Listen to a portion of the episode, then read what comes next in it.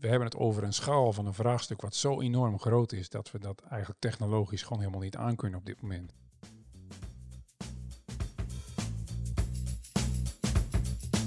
Je luistert naar Piekvragen, een podcast over de energietransitie. Deze aflevering wordt mede mogelijk gemaakt door het Sustainable Electrical Energy Center of Expertise, afgekort SEAS. Mijn naam is Sjoerd Arends.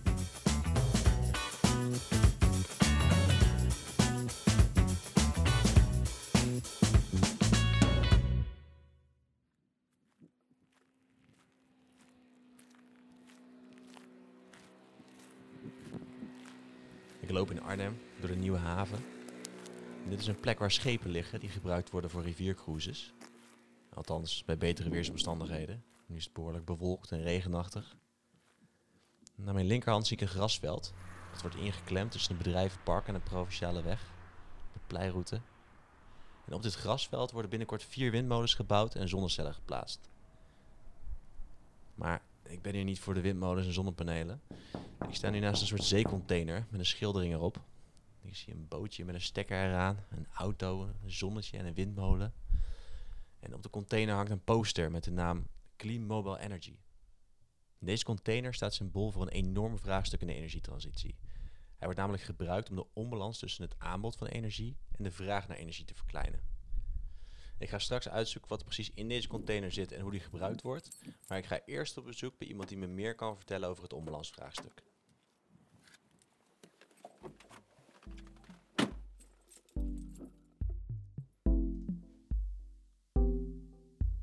Ik naar Aart-Jan de Graaf, lector meten en regeltechniek op de Hogeschool van Arnhem en Nijmegen. Hij noemt zichzelf een soort evenwichtskunstenaar. Met zijn lectoraat doet hij onderzoek naar het onderwerp dat hij in evenwicht probeert te houden: energie.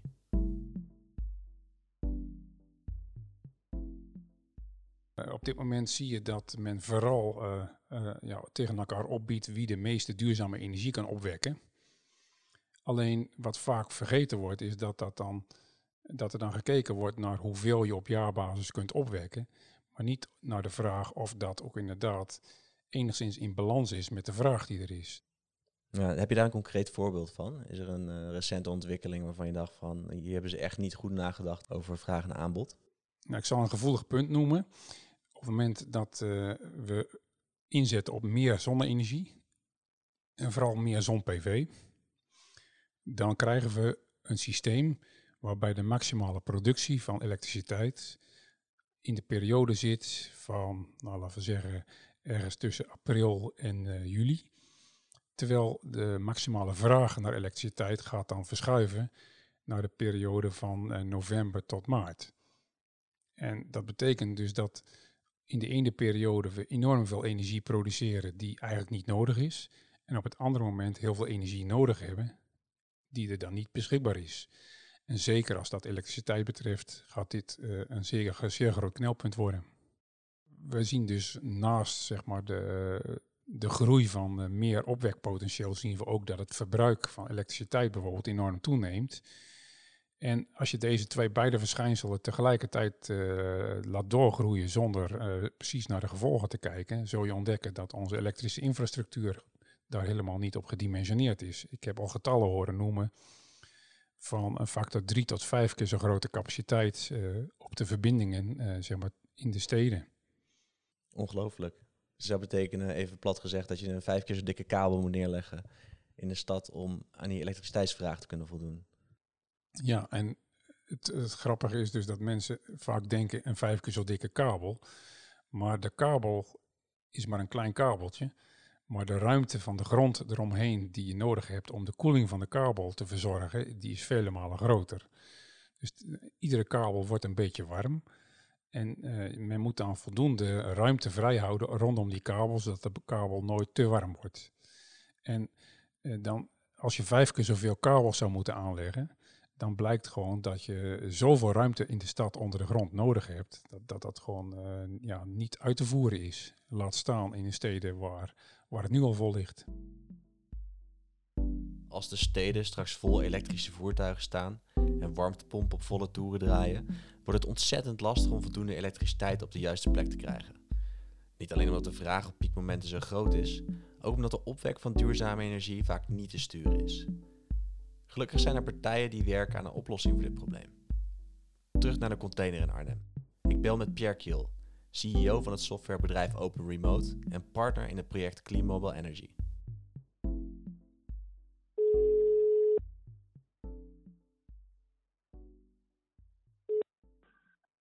Dag uh, Sjoerd, met uh, Pierre Kil. Dag Pierre. Ik heb een uh, bezoekje gebracht aan een nieuwe haven in Arnhem. En er staat een mysterieuze container met de naam Clean Mobile Energy erop. En ik heb begrepen dat jij me kunt vertellen wat er in die container zit en waar die voor gebruikt wordt. Die container, dat zie je aan de buitenkant niet, maar dat is eigenlijk een, een opslag voor een groot aantal batterijen. Ongeveer 500 kilowattuur aan batterijen. Dat is vergelijkbaar met ongeveer 500 autobatterijen. En waar worden die batterijen voor gebruikt? Dus de, de, de, de achtergrond hiervan is omdat uh, daar een, zowel een zonneveld als windmolens gebouwd gaan worden in, uh, in de loop van volgend jaar. Om te kijken of we door middel van die batterijen energie op kunnen slaan en op een gunstig moment weer kunnen vrijgeven voor uh, gebruikers van elektriciteit. En om iets op een gunstig moment te kunnen vrijgeven heb je een, een, een systeem nodig. Wat ontwikkelen jullie precies? Dus wij maken een energiemanagement systeem dat ontwikkelen we waarbij wij uh, zowel de opwekking, dus door uh, uh, zonnepanelen of door windmolens, koppelen aan het elektriciteitsgebruik in de, in de stad. Lees in de haven door het opladen van auto's of het opladen van schepen en auto's in de stad. Um, en die koppelen we waar wij naar een optimalisatie maken om te proberen zoveel mogelijk energie lokaal, groene energie lokaal te gebruiken. Ja, want je kan het op een bepaald moment vrijgeven, maar kun je ook zorgen dat er op een bepaald moment energie gebruikt wordt of juist niet gebruikt wordt? Uh, ja. ja, dus de batterij, die, daar kun je natuurlijk mee bepalen wanneer ik die energie weer vrijgeef.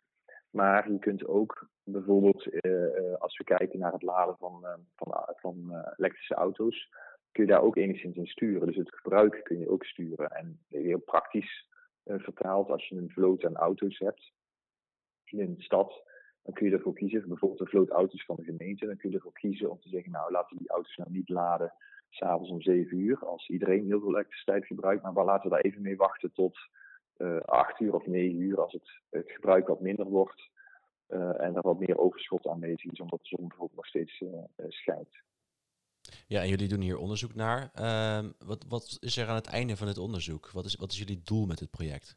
En we onderzoeken daarin de beste optimalisatieroutines, dus de beste manier om die energie op te slaan en vrij te geven. Dat doen we samen met de HAN, dus de Hogeschool Arnhem Nijmegen. Uh, en het doel is dan uiteindelijk om te proberen of maximale financiële winst uh, te behalen, of uh, minimale CO2-uitstoot te behalen, omdat er energie gebruikt wordt door het verbranden van fossiele brandstoffen. En wat betekent dit project voor het onbalansvraagstuk in de energietransitie? Kunnen dit soort systemen onbalans tussen vraag en aanbod oplossen? En zo ja, tot op welk punt? Nou, het is moeilijk om dat te kwantificeren, maar het antwoord is ja. Dus uh, de onbalans uh, wordt alleen maar groter op dit moment. Hè. Dus als je nu kijkt naar de opwekking door, wind of zon, is dat natuurlijk niet te sturen. Hè. Wij kunnen niet bepalen wanneer de wind uh, waait of de zon schijnt. En anderzijds heb je gebruikers die steeds onregelmatiger uh, een veel grotere hoeveelheid elektriciteit gaan gebruiken. En denk aan het opladen van een elektrische auto die een grote hoeveelheid stroom eist en op een, een, een, willekeurig moment in de tijd kan plaatsvinden. Dus die onbalans, of het risico van die onbalans, wordt steeds groter. En daarmee ook het balanceren van dat vraag en aanbod. En je kunt daar vrij ver in gaan, omdat je niet alleen door het gebruik van batterijen, maar ook door uh, het gebruik van energie uh, enigszins te sturen of te richten, die onbalans kan, kan verbeteren. En de, de inschatting is dat alleen door het gebruiken van, van software of een energiemanagement systeem, ja, daar zeker tot 20 tot 30 procent kan besparen in termen van elektriciteit die niet naar het, het netwerk hoeft of teruggehaald hoeft te worden van het netwerk, maar lokaal gebruikt wordt. Dus de opslag van energie en het sturen van de vraag naar energie helpen om het onbalansprobleem op te lossen. Dit soort projecten zijn ontzettend waardevol voor een gezond energiesysteem. Maar ze lossen niet het hele probleem op. Het is namelijk ontzettend moeilijk om vraag en aanbod over langere periode op elkaar af te stemmen. Aartjan de Graaf probeert dat probleem al jaren onder de aandacht te brengen. En om dit probleem behapbaar te maken, laat hij in presentaties vaak zien wat er voor nodig is om een huishouden zelfvoorzienend te maken. Hoe los je onbalans op op kleine schaal? Zelfvoorziening is, is eigenlijk de meest extreme illustratie van dat je gaat begrijpen wat het betekent om uh, in je energievraag zelf te voorzien.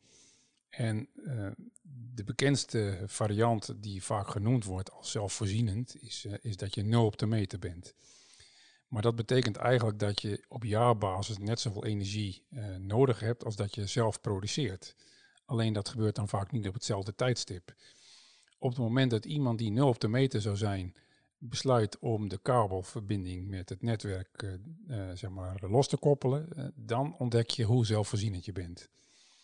En we hebben een keer daaraan gerekend voor een wijk hier in Doesburg. een wijkje met een, zeg maar een gemiddeld warmte- en elektriciteitsverbruik. En als je dan gaat kijken wat je nodig hebt, dan heb je dus aanzienlijk veel meer zonnepanelen nodig dan je gewend was. Waar moet ik dan aan denken? Wat Want voor, uh, je voor bent, de gemiddelde woning zit tussen de 3, 3000 en de 5000 kilowattuur. Maar als je dan de warmtevraag van de woning meeneemt, dan zit je al gauw boven de 10.000 kilowattuur elektrisch per jaar. Aangenomen dat je goede isolatie hebt toegepast en een warmtepomp hebt gebruikt. En wat je dan ziet is dat dan de, het oppervlak van zonnepanelen van die woningen bestrijkt ongeveer, nou misschien wel 30, 40 procent van het hele perceel. Dus het is iets van uh, 10 bij 10 meter of zo wat je nodig hebt om, om voldoende energie op te wekken. Ik zal die getallen, uh, die heb ik niet helemaal paraat. Ja, maar ik heb is in ieder geval veel meer dan wat mensen maar, nu maar gemiddeld is, op een het is meer dan die 3 kilowatt piek. Dus uh, Ja. je hebt het inderdaad over 10, 15 kilowatt piek die je per jaar die je dan nodig hebt. Maar als je dan ook die energie op het juiste moment wil kunnen gebruiken, zou je ze zelf moeten opslaan. En in datzelfde rekenvoorbeeld kwam ik toen uit dat je per woning uh, drie uh, 20 voet containers met batterijen moest neerzetten om het hele jaar rond zelfvoorzienend te zijn. En als je de kostprijs van deze apparatuur bij elkaar optelt, ja, dan zie je dat voor veel mensen dit, dit echt een, uh, ja, zeg maar, uh, een volledig onrealistisch uh, scenario is. En niemand gelooft daar, zou erin kunnen geloven dat je dit moet neerzetten.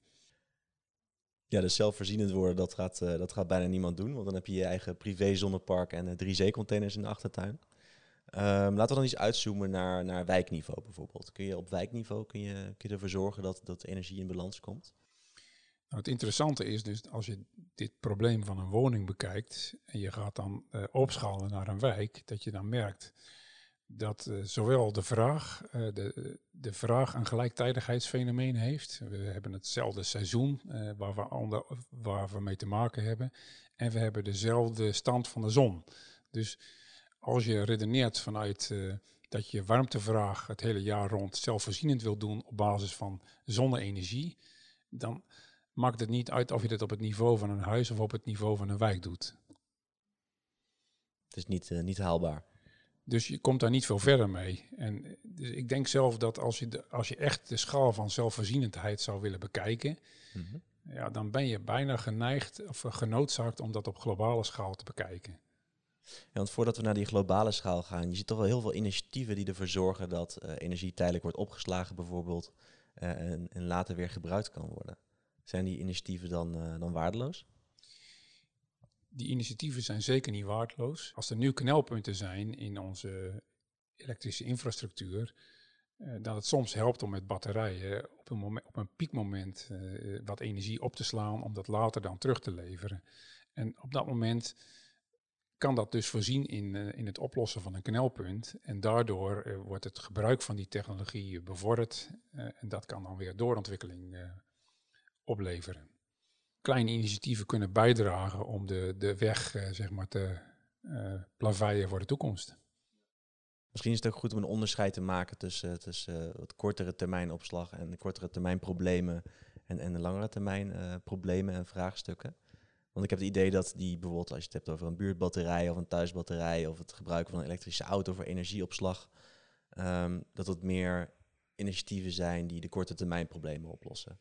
Dus op de korte termijn voor zorgen dat het net niet overbelast wordt, bijvoorbeeld. Of te zorgen dat het net niet, niet, niet verzwaard hoeft te worden. Ja, ik denk dat het correct is. Dat uh, alle uh, kleinschalige, korte termijn uh, vraagstukken van opslag en transport, die zou, zouden we dus ja, redelijk, op het niveau van, van private partijen en individuen kunnen, kunnen aanpakken. Dus, dus dat je als huishouden zelf toch wat doet, omdat je daar dan mee net even iets meer zonne-energie kan, kan opwekken. En dat, dat is dan interessant.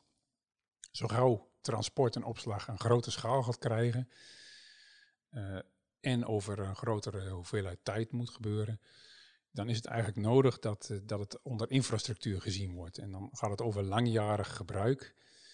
En het, ja, het is gewoon heel simpel. En uh, als je een batterij zou moeten kopen waarmee je het hele jaar uh, aan energie moet opslaan, of tenminste de winterperiode, dat je die batterij dan één keer per jaar echt gebruikt in zijn volle omvang. En dan heb je dus over een periode van 50 jaar heb je die batterij 50 keer gebruikt. Nou, er is bijna geen verdienmodel waarbij dit mogelijk is. Of er is geen model, geen verdienmodel daarvoor. Ja, ja precies. Want dat, is, dat is ook nog wel een belangrijke factor om te noemen. Uh, technisch is heel veel mogelijk, maar om iets betaalbaar te maken, dat is een enorme uitdaging. Eh, een heel belangrijke randvoorwaarde voor heel veel technologie is dat het zodanig gebruikt wordt dat het uh, ja, de investering waard is. En en uh, sommige vraagstukken zijn zo grootschalig dat dat eigenlijk alleen maar kan met een overheid als maatschappelijke investeerder.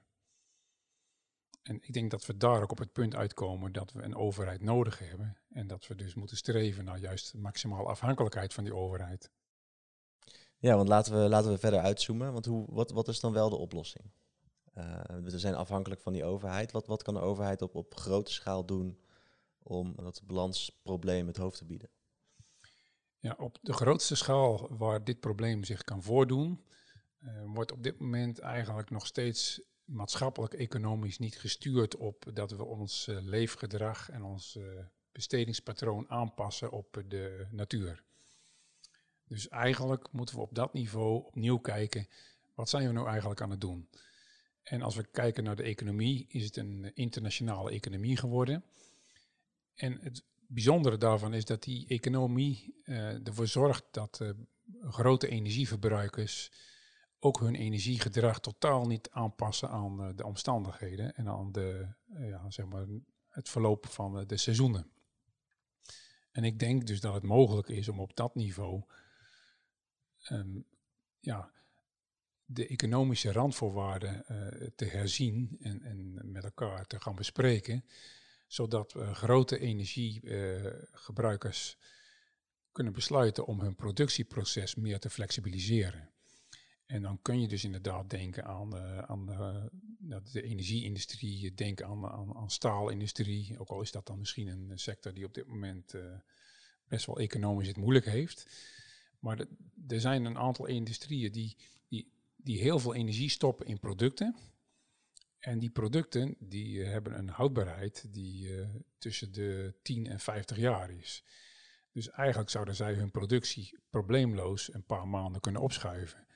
En, en die verschuiving van productie met heel veel energie-intensieve industrie, die zou wel eens groot genoeg kunnen zijn om die enorme opslag die wij nu uh, moeten inzetten om onbalans op te vangen, om die zeg maar overbodig te maken. Dus die, is die oplossing aantrekkelijker dan uh, inzetten op aanbod aanpassen aan de vraagkant? Ja, ik denk dat het op termijn helder zou kunnen worden dat dit beter is, omdat de opslag in materialen veel goedkoper is dan de opslag in energie. En dus het produceren van materiaal waarbij energie nodig is, is uiteindelijk goedkoper als je dat in de tijd verschuift dan dat je de energie opslaat en daarna op hetzelfde tijdstip blijft produceren. Dus als ik producten van staal in een uh, gebouw ergens uh, opsla voor een bepaalde periode, dan is dat ook een vorm van energieopslag. Ja, nou ja, het kan is. Ik, kan ik dat zo zien? Het is eigenlijk zo dat op het moment dat je dus uh, staal in een gebouw gebruikt, dan is de energie die gebruikt is om dat staal in de juiste vorm te krijgen, is op een bepaald tijdstip besteed. Maar stel dat ze twee maanden later uh, dat staal hadden geproduceerd, nog wel op tijd om het gebouw te kunnen bouwen, was de, dezelfde hoeveelheid energie was in het staal gaan zitten, maar op een tijdstip waarop veel meer energie beschikbaar was. Waardoor we dus aan de balans bijdragen. Ja, interessant. De op zich het idee dat, dat bedrijven energie gebruiken op een moment dat gunstig is, dat, dat gebeurt nu ook al. Ik las, uh, ik las een artikel bijvoorbeeld dat er in uh, Oosterhout was dat geloof ik, dat een koelhuis van Lidl uh, bijschakelt als, als er veel energie beschikbaar is. En een tandje terugschakelt als, als, als er weinig energie is. Dus in zekere zin gebeurt het al. Nou, het klopt inderdaad dat het gebeurt, maar het, het zit nog veel meer op het niveau van relatief kortstondige ingrepen. Dus eh, stel dat, uh, dat ergens in ons elektriciteitsnetwerk er een centrale in storing gaat of onderhoud moet krijgen plotseling. Dat dan een groot staalbedrijf een afschakelcontract heeft, waardoor ze even minder in hun energievraag en daarvoor gecompenseerd worden. Maar ik heb het hier echt over ingrepen waarbij we besluiten om in een periode van mist en weinig wind, om dan in die periode nou, misschien wel een week lang gewoon geen productie te draaien. En als je dan voorstelt dat bepaalde industrieën met walsen en met, uh, noemen ze wat, bijvoorbeeld glas wat vloei, vloeibaar is, sommige processen kun je helemaal niet stilzetten. Dus het vraagt ook om een radicale aanpak om, om na te denken over kunnen we onze processen flexibiliseren. Ja, is, is dit een thema waar, waar onderzoek naar gedaan wordt, ook op deze schaal? Nou, het interessante is dat inmiddels in het in de meerjaren missiegedreven innovatieprogramma's. Die, uh, die passen bij het klimaatakkoord van het kabinet. Uh, dat er ook gesproken wordt over radicaal veranderde industriële processen. Dus men is wel bezig om, om integraal te kijken naar waar uh, doen wij dingen die heel veel met energie te maken hebben. Het gaat eigenlijk echt wel over ja, ook hele fundamentele vragen die beantwoord moeten worden, omdat processen heel vaak alleen maar functioneren op een soort standaard uh, productieniveau. En op het moment dat je een proces moet kunnen ja, versnellen of vertragen, of tussen bijna stilstand en maximale productie, dat vraagt nogal wat. heel veel fabrieken en heel veel productiemethoden zijn daar niet op ingericht. Heb je daar al een idee van wat er moet gebeuren om, om het wel zo in te richten? Nou, het eerste wat moet gebeuren is duidelijkheid dat, dat dit waarschijnlijk een uh, noodzakelijke toevoeging is aan onze economie. Mm. En dat is iets dat uh, kunnen we misschien al wel uh, ja, bespreekbaar gaan maken. Ja. Ik ben toch wel benieuwd waarom je dit verhaal uitlicht. Want je bent lector van het lectoraat Meet- en Regeltechniek, waar ook veel onderzoek gedaan wordt naar technische mogelijkheden van energieopslag bijvoorbeeld in, uh, in flowbatterijen of uh, in, in, in, lithiumbatterijen en dergelijke. Waar, waarom kies je ervoor om dit verhaal te vertellen en niet over die, die technische ontwikkelingen? Nou, de voornaamste reden waarom ik dit verhaal ben gaan overwegen en gaan vertellen is omdat ik een beetje ben gaan rekenen als engineer aan het energiesysteem en aan de mate van onbalans die er in op nationale schaal per jaar plaatsvindt. En als je daar dan aan gaat rekenen, dan kom je tot ontdekking dat, dat de hoeveelheid energie die wij zouden moeten opslaan immens groot is. En ik heb daar uh, als rekenvoorbeeld uh, ons aardgasgebruik voor het verwarmen van woningen aangekoppeld. En daar komt uit dat uh, de hoeveelheid aardgas die wij als woningen met name in de winter gebruiken, die is zo enorm groot, dat er eigenlijk gewoon geen opslagtechniek is die adequaat is om dit, dit te realiseren. Ja, de enige optie die wij hebben is, is om eigenlijk het aardgasreservoir uh, van Slochteren opnieuw te vullen met aardgas. Maar dat zal niemand willen doen. Dus uh, we hebben het over een schaal van een vraagstuk wat zo enorm groot is dat we dat eigenlijk technologisch gewoon helemaal niet aankunnen op dit moment. Kijk, en dan kunnen we wel met heel veel vertrouwen uh, vooruitkijken naar de revolutionaire doorbraak in de technologie. Maar zolang ze er niet zijn, zijn ze er niet en weten we ook niet of ze komen. Dus uh, het leek mij zinniger om te kijken van op welke terreinen zijn we al wel in staat om, om, om echte stappen te maken met enig perspectief. Oké, okay, dus wacht op het moment waarop we grote hoeveelheden energie kunnen opslaan uh, voor langere tijd op een betaalbare manier, bijvoorbeeld met waterstof of een andere energiedrager, dat is geen goed idee. Ik zou er niet op wachten. Kijk, ik, ik vind het wel een goed idee dat we met waterstof als technologie aan de slag gaan.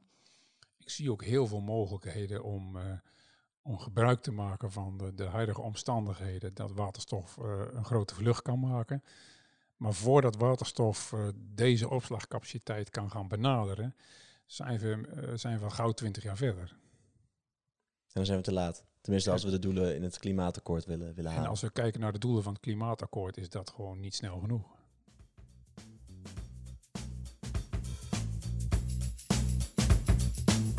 Je luisterde naar Piekvragen, een podcast over de energietransitie.